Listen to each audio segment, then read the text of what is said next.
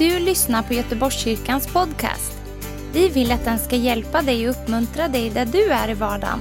Vill du veta mer om oss så gå in på www.goteborgskyrkan.se.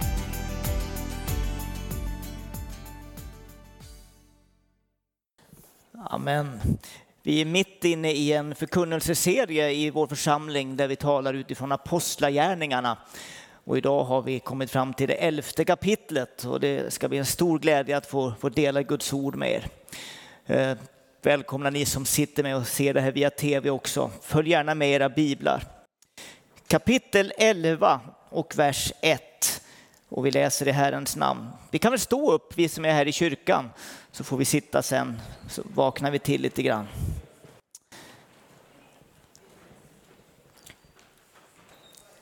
Apostlarna och bröderna i hela Judeen fick höra att också hedningarna hade tagit emot Guds ord. När Petrus kom upp till Jerusalem började de omskurna att angripa honom. De sa, du har besökt oomskurna män och ätit tillsammans med dem. Petrus förklarade då steg för steg vad som hade hänt. Jag befann mig i staden Joppe och medan jag bad kom jag i hänryckning och fick se en syn. Något som liknade en stor linneduk kom ner. Fäst i sina fyra hörn sänktes det ner från himlen och kom till mig. När jag noga såg efter fick jag se jordens fyrfota djur, både vilda och tama och kräldjur och himlens fåglar. Jag hörde också en röst som sa till mig, stig upp Petrus, slakta och ät. Jag svarade, nej, nej herre, något oheligt eller orent har aldrig kommit i min mun. För andra gången talade en röst från himlen. Vad Gud har förklarat för rent ska du inte anse vara orent. Detta hände tre gånger och sedan drogs allt sammans upp till himlen. Och se, just då stod tre män utanför huset där vi var. De hade skickats till mig från Caesarea. Anden sade till mig att jag skulle följa med dem utan att tveka. Halleluja, det tycker jag var underbart. Utan att tveka. De sex bröderna här följde också med mig och vi gick in i mannens hus. Han berättade för oss hur han hade sett ängeln stå i hans hus och säga, skicka bud till Joppe och hämta hit den Simon som kallas Petrus. Han ska tala till dig och genom de orden ska du bli frälst. Och du och hela din familj. Och när jag började tala föll den helige ande på dem, alldeles som på oss under den första tiden. Då kom jag ihåg vad Herren hade sagt. Johannes döpte med vatten, men ni ska döpas i den helige ande. Om nu Gud gav dem samma gåva som han gav oss när vi hade kommit till tro på Herren Jesus Kristus, vem var då jag att jag skulle hindra Gud?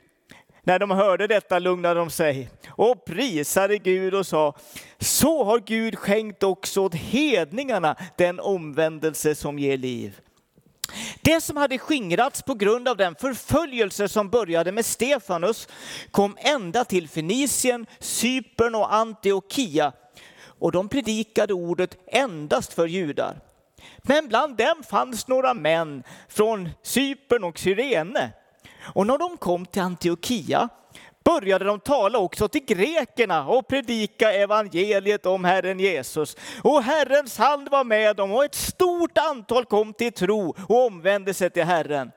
Ryktet om detta nådde till församlingen i Jerusalem och man sände då Barnabas till Antiochia. När han kom dit och såg vad Guds nåd hade uträttat blev han glad. Det var väl härligt? Han blev glad och uppmanade dem alla att hålla sig till Herren av hela sitt hjärta. Barnabas var en god man, uppfylld av den heliga ande och tro, och en stor skara människor fördes till Herren. Han begav sig därefter till Tarsus för att söka upp Saulus. Han fann honom och tog honom med sig till Antiochia. Under ett helt år var de tillsammans med församlingen och undervisade en stor skara. Och det var i Antiochia som lärjungarna först kallades, började kallas kristna. Vid den tiden kom några profeter från Jerusalem ner till Antiochia. En av dem som hette Agabus trädde fram och genom anden förutsade han att en svår hungersnöd skulle komma över hela världen. Den kom också under Claudius regering. Då beslöt lärjungarna att var och en skulle skicka så mycket han kunde till hjälp åt bröderna som bodde i Judeen. Detta gjorde de också och de sände hjälpen med Barnabas och Saulus till de äldste.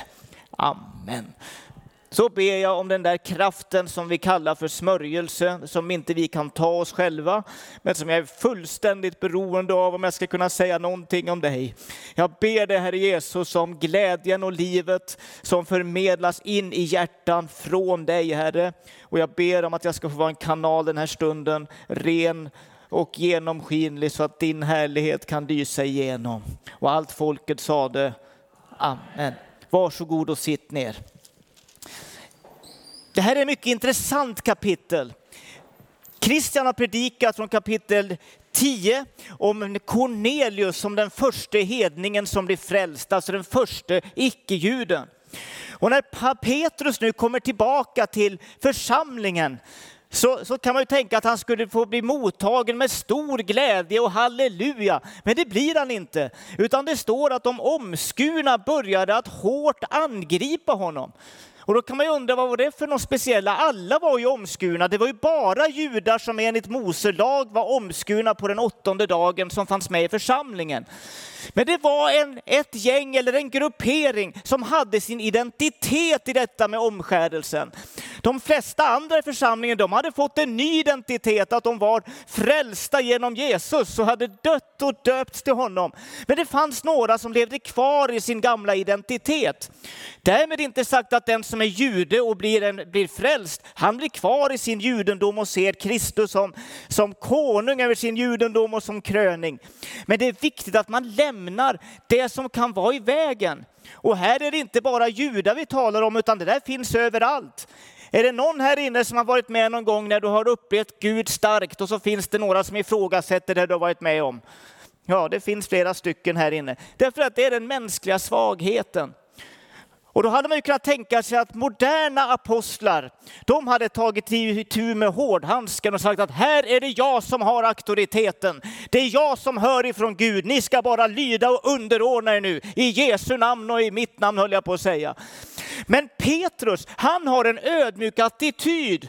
Därför att han hade ju bara, bara kapitlet innan varit med, när han ser den här synen av linneduken och djuren som kom ner. Och han får budskapet slakta och ät, gör inte skillnad mellan människor. Så säger han ju själv, men det kan jag inte göra för jag, jag har aldrig ätit något orent. Tre gånger var Gud tvungen att ta ner den här linneduken så han skulle förstå. Så han var ju i samma båt. Den gamla naturen, alltså en del av oss alla, vill ha någonting annat än Jesus att bygga vår identitet omkring. Det ligger så djupt. Men i Kristus Jesus så försvinner allt det andra och det blir ett nytt liv tillsammans med honom. Och Petrus kommer inte och domderar, utan han vet att det här är så viktigt nu att det får bli ett budskap som slår rot i hela församlingen. Och då kommer han med den nytestamentliga, vad ska jag säga, varianten av ledarskap. Han kommer underifrån. Läser du i första Timoteusbrevets tredje kapitel så kommer du att se att beskrivningen av en nytestamentlig ledare är att han är vänlig och behärskad. Och det var precis det Petrus var. Inte kompromissande, inte på något sätt att han var utslätande. Han stod upp för sanningen. Och det här är en värdering som vi vill ha i vår församling i vår tid. Vi vill inte strida, utan vi vill stå fast för Guds ords sanning, men i ödmjukhet göra precis samma sak som Petrus gjorde. Förklara steg för steg för vad som hade hänt. För det här var så viktigt, det låg på Guds hjärta, denna uppenbarelse att inte bara judarna, utan hedningarna också, för alla som inte var judar av, av folkstam så att säga, skulle få uppleva livet i Gud. Det är därför vi sitter här idag, därför att Petrus han gick varligt fram. Och nu har vi ett par punkter här som vi ska titta på. Och jag skulle vilja kalla dem riktlinjer för en ny uppenbarelse. Och Petrus tar upp de här riktlinjerna så att vi kan känna igen dem, så att de här grupperingen av de omskurna skulle förstå att det var Guds väg. Och det här är någonting vi har nytta av alla gånger som vi ser en, en, något nytt komma inom kristenheten eller någon ny uppenbarelse, något som vi inte känner igen. Så finns det vissa riktlinjer som Herren vill ge oss så att vi kan känna igen vad som är Guds vilja och navigera i det som är hans väg. Och då vill jag bara säga, i egentlig mening så finns det inga nya uppenbarelser. Du kanske någon, nu går du i taket, finns det inget nytt? Är inte allt nytt i Kristus? Jo, men när den här boken kom så fullbordades uppenbarelsen. Det finns ingen högre uppenbarelse än den här boken. Den här boken den handlar om min frälsare, den uppenbarar hans väg. Och när vi får det vi kallar för nya uppenbarelser så är det den heliga ande som ger liv åt någon uppenbarelse som redan finns i skriften. Så var det när baptismen kom på 1800-talet.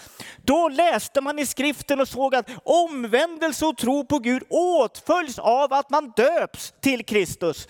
Och man började praktisera detta, döpte till Kristus. Och då kom som ett brev på posten väckelse och förföljelse.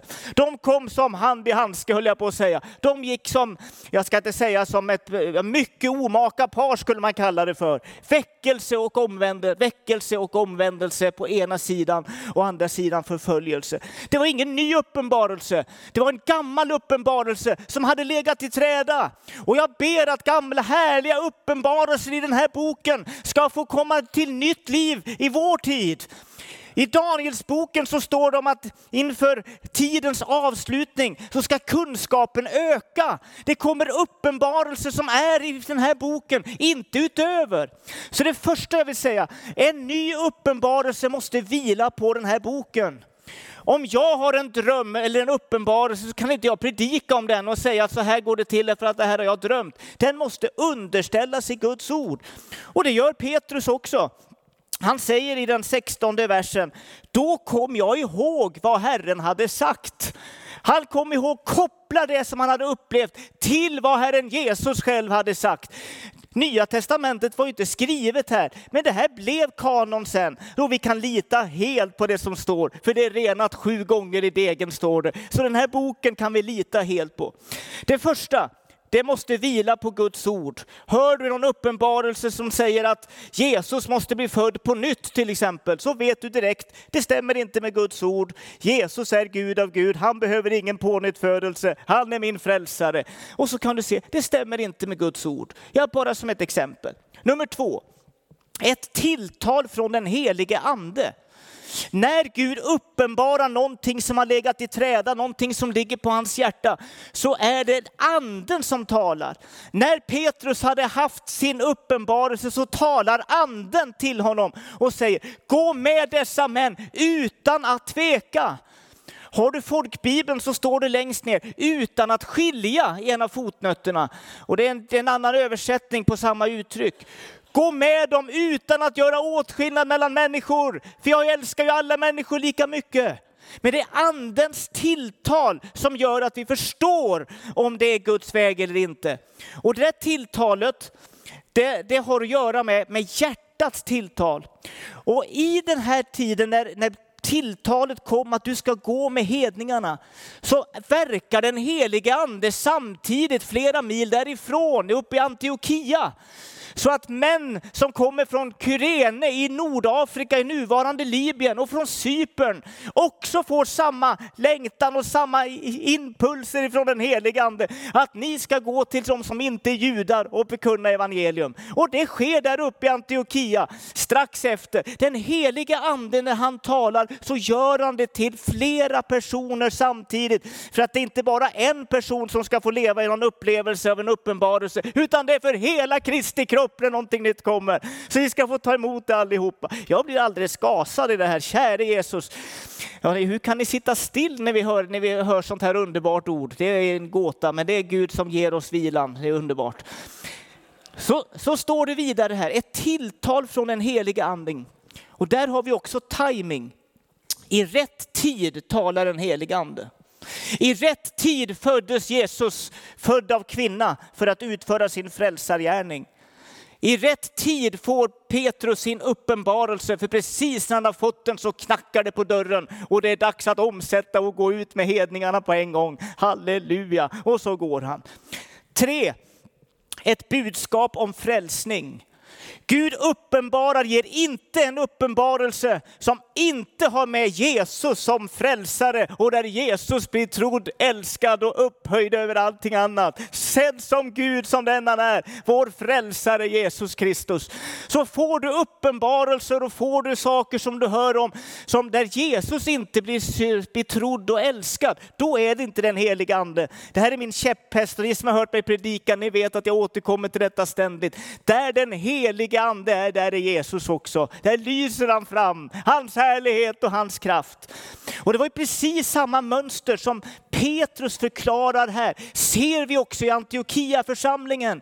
Det står ju att Herrens hand var med dem när de var runt där och talade med grekerna och med hedningarna i denna smältdegel som Antiochia var, en av de största städerna på den här tiden. Med en mångkulturell samhälle, perfekt timing för den helige ande att falla där och att människorna började tala, de frälsta började tala med andra. För det var ju från alla jordens stammar och folk där.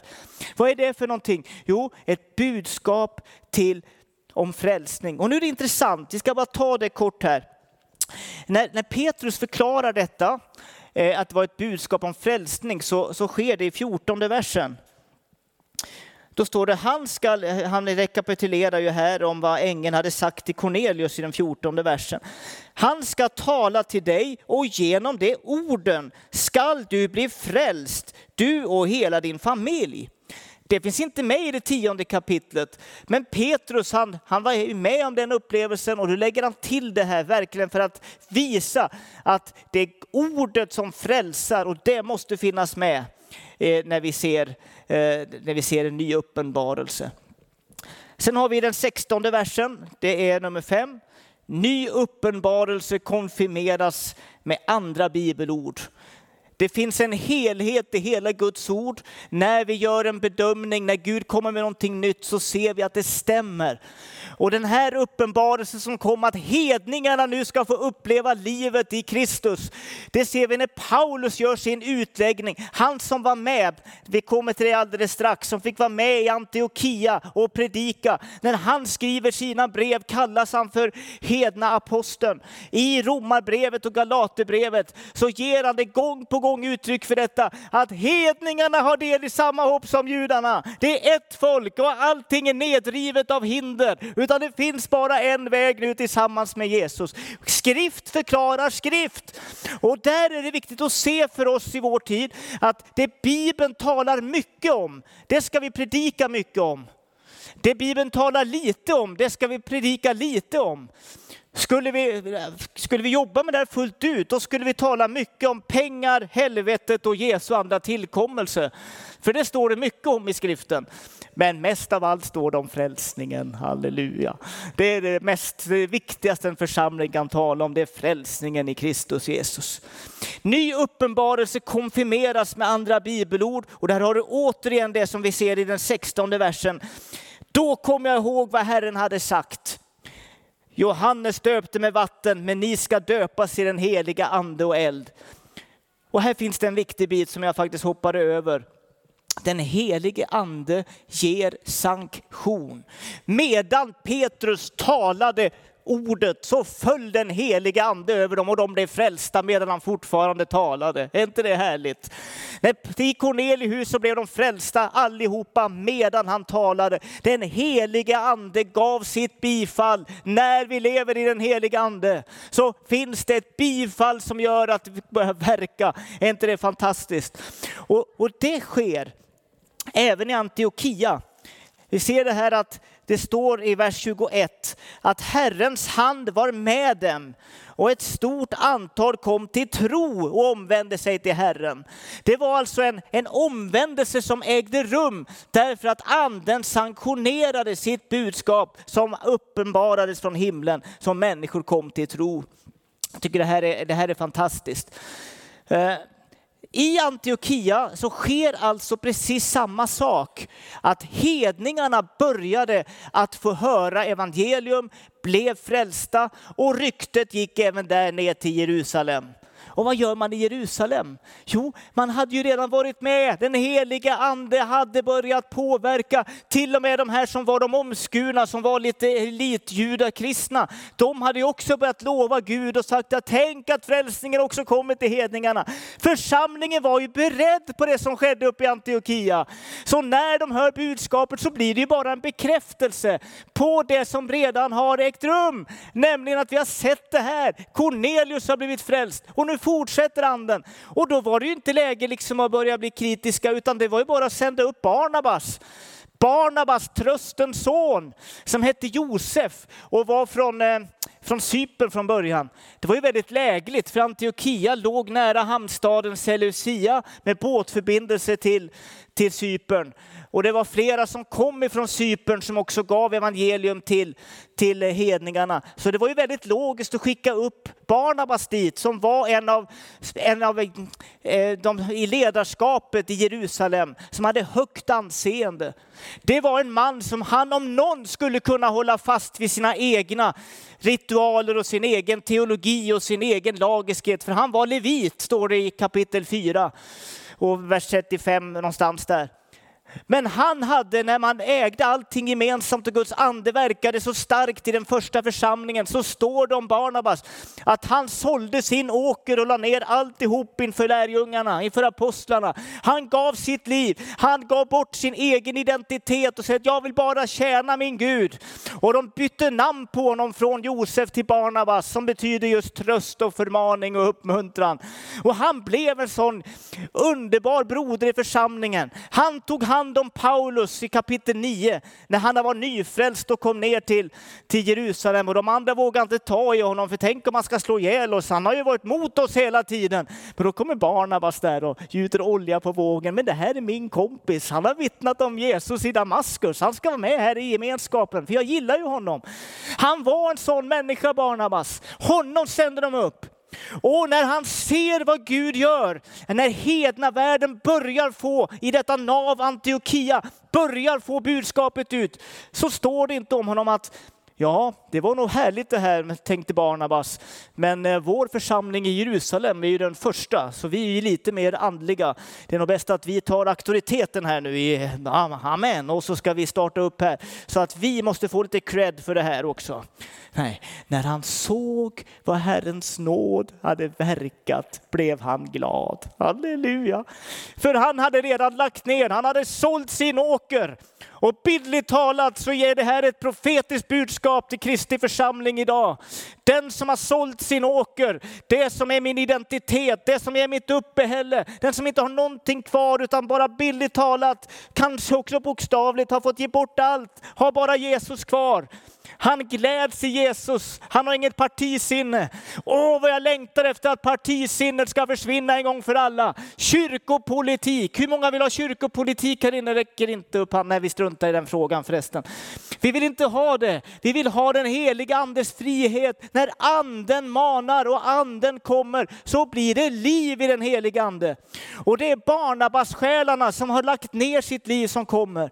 Och han kunde både uppmuntra och trösta. Och han såg allt som hade gjort. Vad gör han då? Mitt i väckelsen. Det stod att folk blev frälsta, det var härliga tider och han såg vad Guds nåd hade verkat. Och detta begrepp Guds nåd, det har att göra också med nådegåvor och frukt av den heliga ande. Det var ju fantastiskt. Vad gör han då? Ja, då åker han därifrån. För han älskade Paulus som han hade presenterat för församlingen. Denne Paulus som hade blivit ivägskickad ifrån Jerusalem när grekisktalande judar ville döda honom. De skickade hem honom till Tarsos. Det här, och det här är starkt. Jag kan bara säga att Antiochia ligger i nu södra Turkiet vid östra Medelhavet. Och eh, fem timmars, nej, fem dagars vandring bort på norra sidan av Medelhavet ligger Tarsus.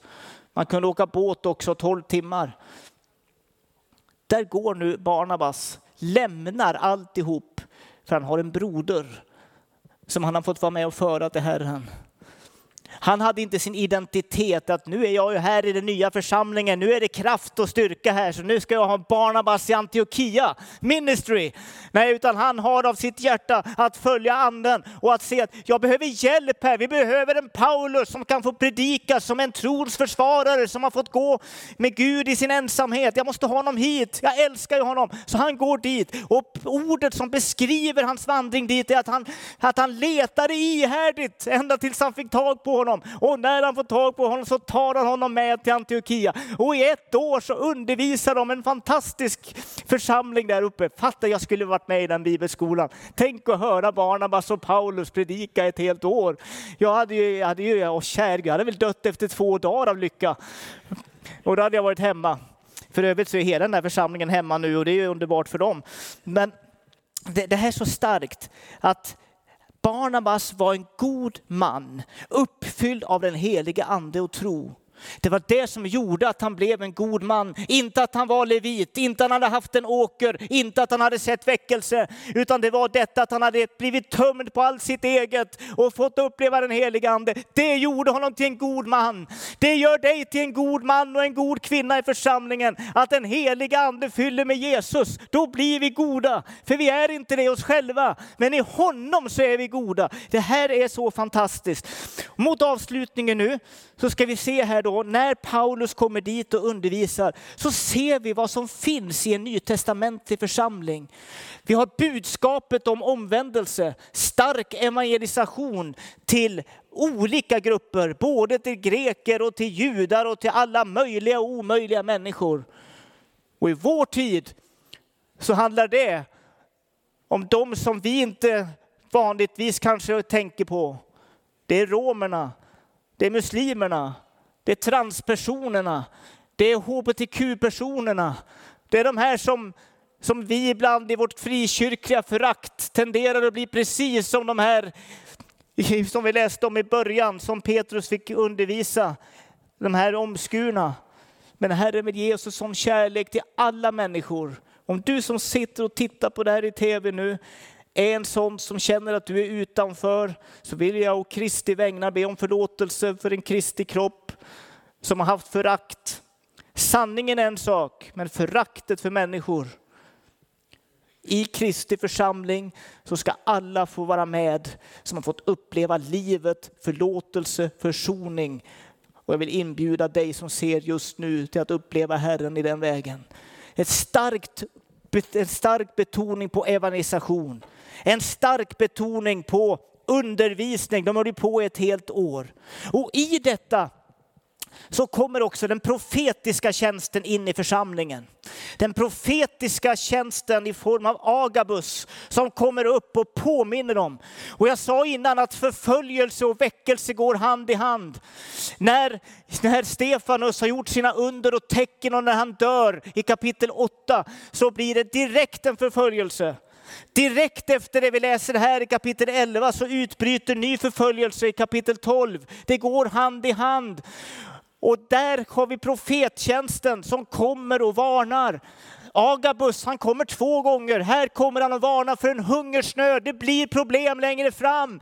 Men då var församlingen redo. Och det är möjligt att han la händerna på dem, det vet jag inte, så att de fick del av profetgåvan, att den fanns där, att han bad för dem. För det står i trettonde kapitlet att dessa var lärare och profeter i Antiochia och då är Barnabas med och Saulus med. Och då profettjänsten fungerar. Men det fanns en Agabus som kom. Och jag ber att vi ska få, höll jag på att säga, Agabussar i, i Sverige idag.